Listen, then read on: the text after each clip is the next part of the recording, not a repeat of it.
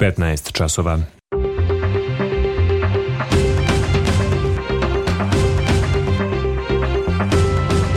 Radio Novi Sad. Novosti.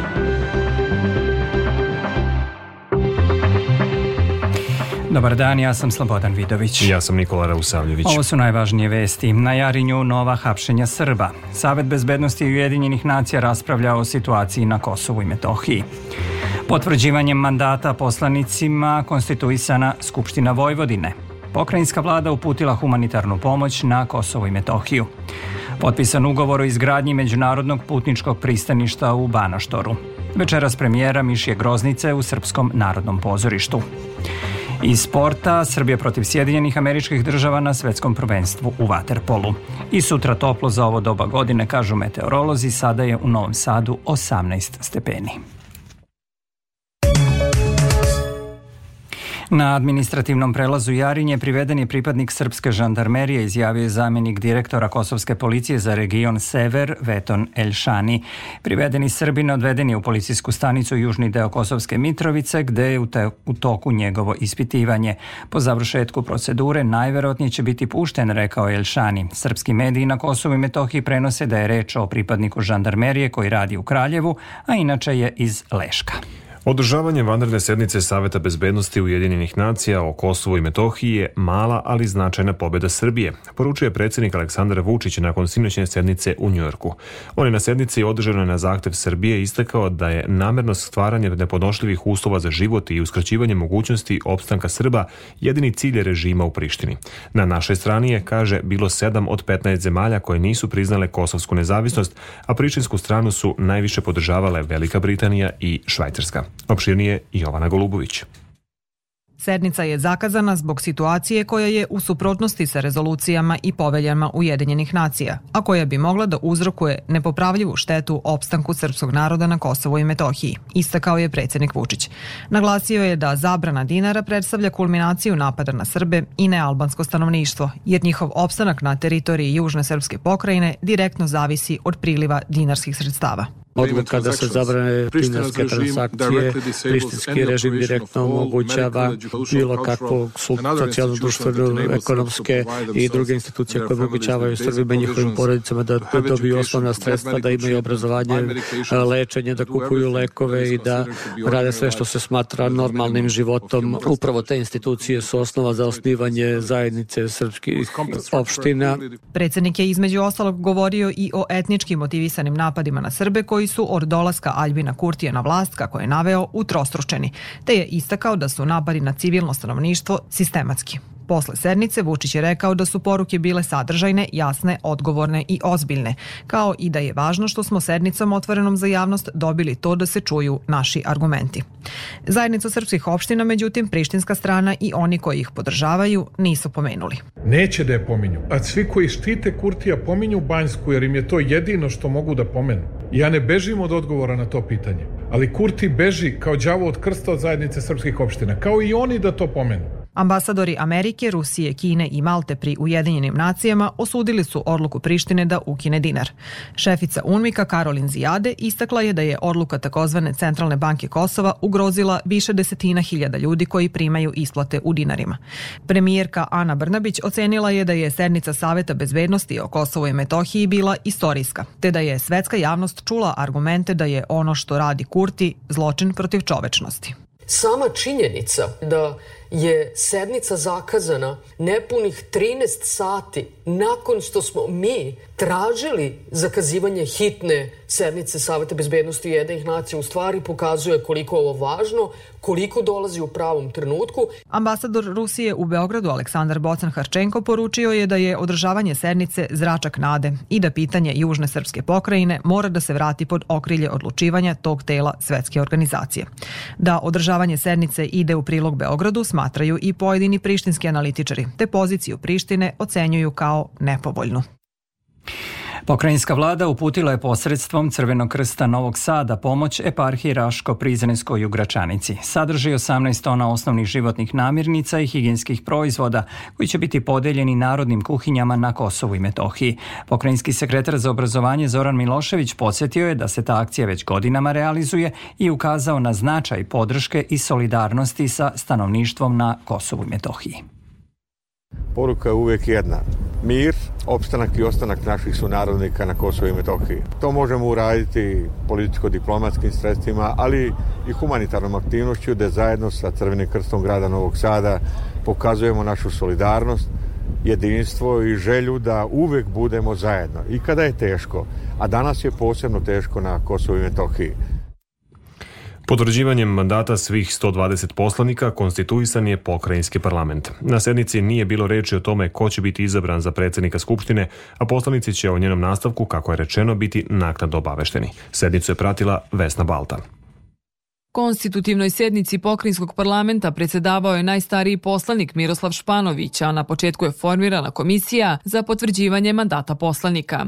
U novom sazivu parlamenta najviše mandata ima Srpska napredna stranka, 66. Sledi koalicija Srbija protiv nasilja sa 30, zatim Savez Vojvođanskih Mađara sa 9 poslanika, SPS i koalicija oko novog DSS-a imaju po 7 mandata, dok jednog poslanika ima Ruska stranka. Damir Zubenica sa izborne liste Aleksandar Vučić Vojvodina ne sme da stane kaže da je potvrđivanje mandata završen prvi korak u konstituisanju pokrajinske skupštine. U ovom momentu kreću pregovori sa našim do sadašnjim koalicijnim partnerima, dakle sa Savezom Vojvođanskih Mađara pre svega, sa Socijalističkom partijom Srbije, odnosno koalicijom okupljenom oko nje svakako i moguće sa još nekim poslaničkim grupama koje su prešle cenzus, a koje će danas biti formirane. Savez Vojvođanskih Mađara stava je da koaliciona saradnja na republičkom i pokrajinskom nivou treba da se sagleda celovito, rekao je Balin Ćuhas iz te stranke. Očekujemo nastavak saradnje i to bi značilo da postoji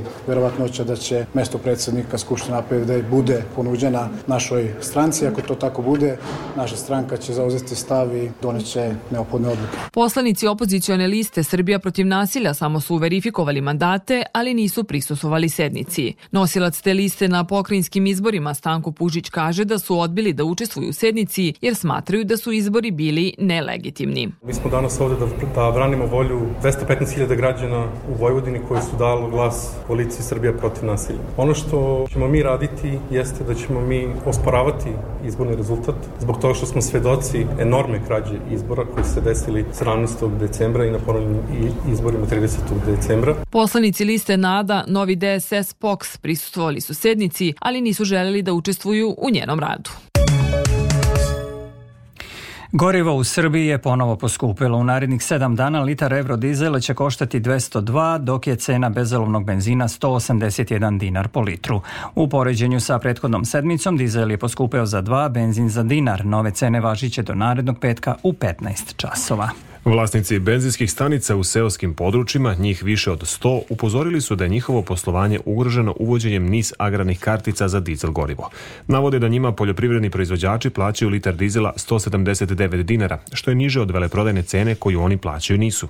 Ukazuju na to da se te kartice često preprodaju firmama, prevoznicima i taksistima, što njih ostavlja bez mušterija. U saopštenju koje prenosi portal Energija Balkana, navodi se da je pred dva dana nabavna cena dizela za male vlasnike iznosila 100 185 dinara, a gorivo su prodavali za 6 dinara jeftinije nego što su ga platili.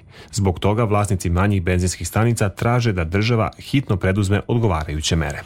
Slušate novosti. U okviru projekta Zaplovi Srbijom, kojim je predviđena izgradnja infrastrukture na našim rekama, potpisan je ugovor o izgradnji međunarodnog putničkog pristaništa u Banoštoru, vrednog više od 400 miliona dinara. Njegova izgradnja, kako je rečeno, značajno će doprineti razvoju turizma u Vojvodini. Opširnije Marko Brajković. Srbija se nalazi na trećem mestu po broju turista u Dunavskom regionu. Prema očekivanjima, broj turista koji dolazi kruzerima u našu zemlju preći će 200.000. Neophodno je da država izgradi odgovarajuću infrastrukturu kako bi zadržali turiste u našoj zemlji, kaže ministar građevinarstva, saobraćaja i infrastrukture Goran Vesić. Ono što nas čeka u narodnom periodu to je znači da otvorimo međunarodne pristan u velikom gradištu, znači kod tvrđave Ram i nastavit ćemo naravno sa, ovim, sa, sa razvijenjem i sa, sa izgradnjom marina i pristana kroz projekat Znaplovimo Srbijom, jer kažem šansa Srbije jesu reke, mi reke, pogotovo naše dve međunarodne reke dovoljno ne koristimo i vreme je da se više posvetimo razvoju znači ove vrste turizma. Predsednik pokrajinske vlade Igor Mirović rekao je da će ovaj projekat značajno naprediti turističku ponudu u Vojvodini i najavio gradnju novih pristaništa u Apatinu, Sremskim Karlovcima kao i Marinu u Somboru. U Srbiji trenutno postoji 10 međunarodnih pristana, od kojih se 7 nalazi na Dunavu, a 3 na Savi. To će motivisati sve nas da više radimo na ovoj drugoj infrastrukturi koja treba da privuče turiste i ovde u delu Fruške gore, ali i u svim drugim krajevima, da zaista ostanemo atraktivniji sa više sadržaja, sa konkretnim elementima i sa znamenitostima koje turisti treba da vide. Jednom rečiju očekuje nas veliki rad da bi unapredili turističku ponudu, a deo tog velikog rada, deo tog velikog zajedničkog poduhvata je i buduće pristanište. Ove godine očekuje se 10 miliona evra prihoda od cruising turizma, izjavio je direktor Agencije za upravljanje lukama Vuk Perović. Najavio je da će projektom za plovi Srbijom biti izgrađeno 14 međunarodnih pristaništa. Otvoren je inovaciono-edukativni park Centra za razminiranje Srbije u Velikoj Moštanici. To je nekadašnji vojni kompleks Velika Moštanica koji je Ministarstvo odbrane predalo na korišćenje Centru za razminiranje u julu prošle godine. Na otvaranju tog centra ministar Miloš Vučević rekao je da treba da je važno da očistimo zemlju od zaostalih mina i ostataka bombi od NATO bombardovanja 99. godine, kao i početi sa vađanjem nemačkih ratnih brodova iz Dunava kod Prahova koji su potopljeni još u drugom svetskom Raccomandato. Evropska investiciona banka ove godine će i nadalje posebno ulagati u železnicu i obrazovnu infrastrukturu Srbije, izjavio šef odeljenja te banke za Zapadni Balkan i Tursku, Mateo Rivellini, u okviru godišnje konferencije banke na kojoj su predstavljeni rezultati u prošloj i planovi za ovu godinu. Rekao je da će nastaviti da podržavaju i mala i srednja preduzeća u regionu, kao i da ulažu u inovacije i energetiku. Banka će nastaviti da podržava zelenu i digitalnu agendu, kao i rehabilitaciju pruge u Crnoj Gori, posebno prugu koja povezuje Srbiju sa Jadranskim morem. Vlada Srbije usvojila je zaključak o načinu finansiranja lečenja obolelih od redkih bolesti u ovoj godini i za to je iz budžeta izdvojeno 7 milijardi 200 miliona dinara. Usvojena je uredba o uslovima, načinu dodele i korišćenja novca za podsticaj za razvoj i unapređenje ruralnog turizma, kojem se bespovratno dodeljuje 150 miliona dinara. Na sednici je usvojena i uredba o utvrđivanju programa podrške razvoju poslovne infrastrukture, kao izmenjena uredba o nacionalnim sportskim priznanjima i novčanim nagradama, kojem su iznosi za osvojene medalje povećani. Plate rudarima Resavice biće povećane za 10%, najavio ministar financija Siniša Mali. Kaže da je nađen način da ta isplata bude na komercijalnoj osnovi, a ne iz tekuće budžetske rezerve i kroz povećanje subvencija. Položaj zaposlenih u državnim upravama nije na zavidnom nivou, a potvrda toga je da je 40% zaposlenih prošle godine primilo platu do iznosa minimalca. To je rečeno na sastanku u Novom Sadu sa predstavnicima sindikalnih organizacija u Vojvodini. Sindikat je, kako se čulo tom prilikom, u decembru sa vladom Srbije postigao dogovor o promeni uredbe o koeficijentima. Ukoliko do toga ne dođe, tražit će povećanje osnovice, rekao je predsednik sindikata Uprave Srbije Slađan Bobić. Mi smo tražili 25%, to je nešto bilo osnovano i tada da smo dobili tih 25% shodno stopi inflaciji, cene, rasta, znate sami kako su bile, opet bi plate bile male, ali bi bile prihvatljivije za život. Dobili smo 10% povećanja plate, zaista je malo, pokušat ćemo. Svet Počinjemo informacijama o protestima nezadovoljni platnim koeficijentima. Prosvetni radnici u Hrvatskoj okupili su se u Zagrebu na velikom protestu pod sloganom Reforma svih reformi, nedovoljan jedan. Vladi su poručili da ne bi bilo dobro da ih ne shvati ozbiljno i da današnji skup ne znači da će to biti kraj okupljanja. U Poljskoj su poljoprivrednici počeli jednomesečni generalni štrajk u znak protesta protiv politike Evropske unije i nedostatka mera vlade da ih zaštiti. Oni su blokirali puteve širom zemlje i na graničnim graničnim prelazima sa Ukrajinom. Posebno ističu loš uticaj uvoza jeftine hrane i susedne Ukrajine, prenosi Reuters. A protiv poljoprivredne politike Evropske unije četvrti dan protestuju i španski poljoprivrednici koji su traktorima blokirali autoputeve i gradske ulice. Traže ublažavanje mera za povećanje troškova proizvodnje i smanjenje profita i konkurencije iz zemalja koje nisu članice Evropske unije. Sjedinjene američke države su bombardovanjem Savezne republike Jugoslavije pustile duha iz lampe, iako je Rusija protestovala i upozoravala da su tim činom narušena povelja Ujedinjenih nacija i međunarodno pravo. To je izjavio ruski predsjednik Vladimir Putin u intervju američkom novinaru Carlsonu Tuckeru koji je za 9 sati od objavljivanja na društvenim mrežama videlo više od 70 miliona ljudi. Putin je u razgovoru poručio i da će se Rusija i Ukrajina pre ili kasnije dogovoriti, kao i da globalni rat ne dolazi u obzir, jer bi, kako je naveo, celo čovečanstvo doveo na ivicu uništenja. Nastavljaju se sukobi na svim frontovima u Ukrajini, a situacija je prema navodima oruženih snaga te zemlje veoma teška na istoku i jugu.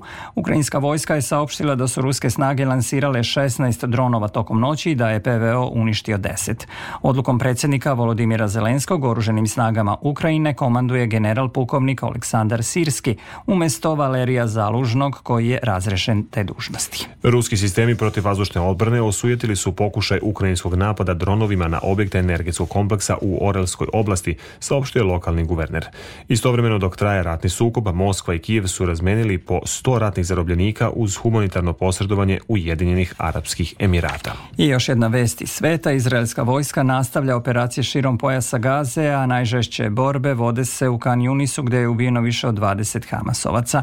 Nametio je i pogranični grad Rafa gde je sinoć poginulo najmanje devet osoba, uključujući žene i decu. Više od polovine od 2 miliona i 300 hiljada stanovnika pojasa Gaze pobeglo je u Rafu u skladu sa naredbama za evakuaciju koje je izdao Izrael usred sve veće kopnene ofanzive. Naredbe za evakuaciju sada pokrivaju dve trećine male palestinske enklave. Ovo su novosti prvog programa radija Radio Televizije Vojvodine. Novo izgrađeni vrtić Čarobni šešir u novosadskom naselju Adice jedan je od osam izgrađenih na teritoriji grada od 2012. godine. Za tu investiciju grad je izdvojio 490 miliona dinara, a najavljena su i nova ulaganja u predškolsku ustanovu Radosno detinstvo. Izveštava Davorka Jelena Draško. Obdanište Čarobni šešir počelo je da radi u novembru prošle godine i trenutno ga pohađa 246 dece. Tokom posete tom objektu gradonačelnik Milan Đurić podsjetio je da je predškolsko obrazovanje u Novom Sadu od 2020. godine besplatno, a subvencije grada za privatne vrtiće su i ove godine povećane. Do treće godine života za svako dete grad subvencioniše po 16.000 dinara, a od treće do sedme godine subvencioniše subvencionišemo sa 13.000 dinara i sve to, te subvencije, govorim za državni, za, odnosno gradski, za privatno, zabavište nas košta milijardu i 513 miliona dinara. Đurić je najavio na dogradnju vrtića Neven u Kovilju kao i rekonstrukciju još jednog obdaništa u gradu. U Srpskom narodnom pozorištu biće održana prva premijera u ovoj godini. Predstava Miše Groznica u režiji mladog Đorđa Nešovića prema tekstu Aleksandra Popovića biće odigrana na kamernoj sceni večeras od 20 časova i 30 minuta. Glavna uloga poverena je Sanji Ristić Krajnov. Popovićevi komadi su ogledalo balkanskog mentaliteta i društvenog sistema koji uprkos nadanju o miru ne može na taj mir da pristane jer za njega nije spreman, kaže reditelj Đorđe Nešović kome je ta premijera master ispit iz režija. Delo Aleksandra Popovića su veliko bogatstvo, istraživanje i baviti se Acom Popovićem je jedan ogroman rad. Dela Aleksandra Popovića su pisana za svu publiku, ne za kritičare i pozorišne sladokusce, nego i za njih i za bilo kog čoveka koji želi da dođe u pozorište i da um, uživa. Pred sport još jedna vest. Povodom sve učestalijih objava na društvenim mrežama kojima se propagira neodgovorno i nebezbedno ponašanje u saobraćaju, Ministarstvo unutrašnjih poslova napominje da se svaka takva objava proverava i preduzimaju se mere protiv onih koji sadržaje objavljuju. Kako je navedeno u saopštenju MUPA, saobraćena policija presretačem zaustavila 19-godišnjeg vozača Audija koji se u jednoj beogradskoj ulici kretao brzinom od 86 km na čas na delu puta gde je ograničenje brzine 50 km na čas. On je na društvenim mrežama objavljivao sadržaje kojima se propagira nebezbedno ponašanje u saobraćaju. Prilikom kontrole utvrđeno je da su prednja stakla na vozilu prekomerno zatamljena, zbog čega je vozilo isključeno iz saobraćaja. Zbog sumnje u verodostojnost broja šasije, vozilo je privremeno oduzeto, navela je policija. I vesti iz sporta u poslednjoj utakmici u grupi na svetskom prvenstvu u Dohi, vaterpolisti Srbije od 15.30 igraju protiv Sjedinjenih američkih država. A u 26. kolu košarkaške Evrolige Crvena zvezda od 20 časova dočekuje litvanski Žalgiris. U prvoj utakmici 20. kola domaćeg futbalskog šampionata od 15 časova i 30 minuta radnik u Surdulici dočekuje Čukarički. Ostale utakmice 20. kola biće odigrane za vikend i u ponedeljak.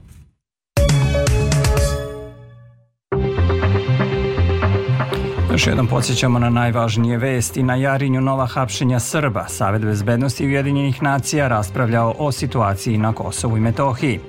Potvrđivanjem mandata poslanicima konstituisana Skupština Vojvodine. Pokrajinska vlada uputila humanitarnu pomoć na Kosovu i Metohiju. Potpisan ugovor o izgradnji međunarodnog putničkog pristaništa u Banoštoru.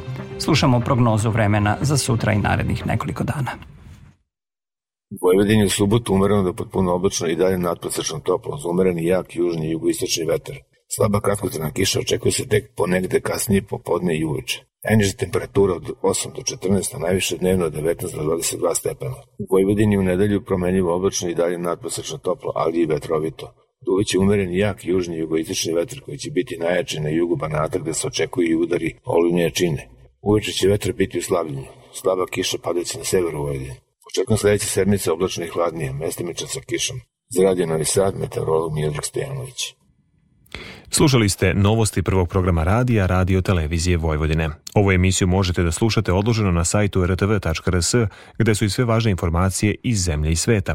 Emisiju tonski realizovao Daniel Manojlović, producenti Branislava Stefanović i Zoran Bečejac. Pre mikrofonom bili Slobodan Vidović i Nikola Rausavljević. Sledi Radio Sport pa vesti u 16 časova. Nakon toga možete slušati emisiju o turizmu Peta strana sveta.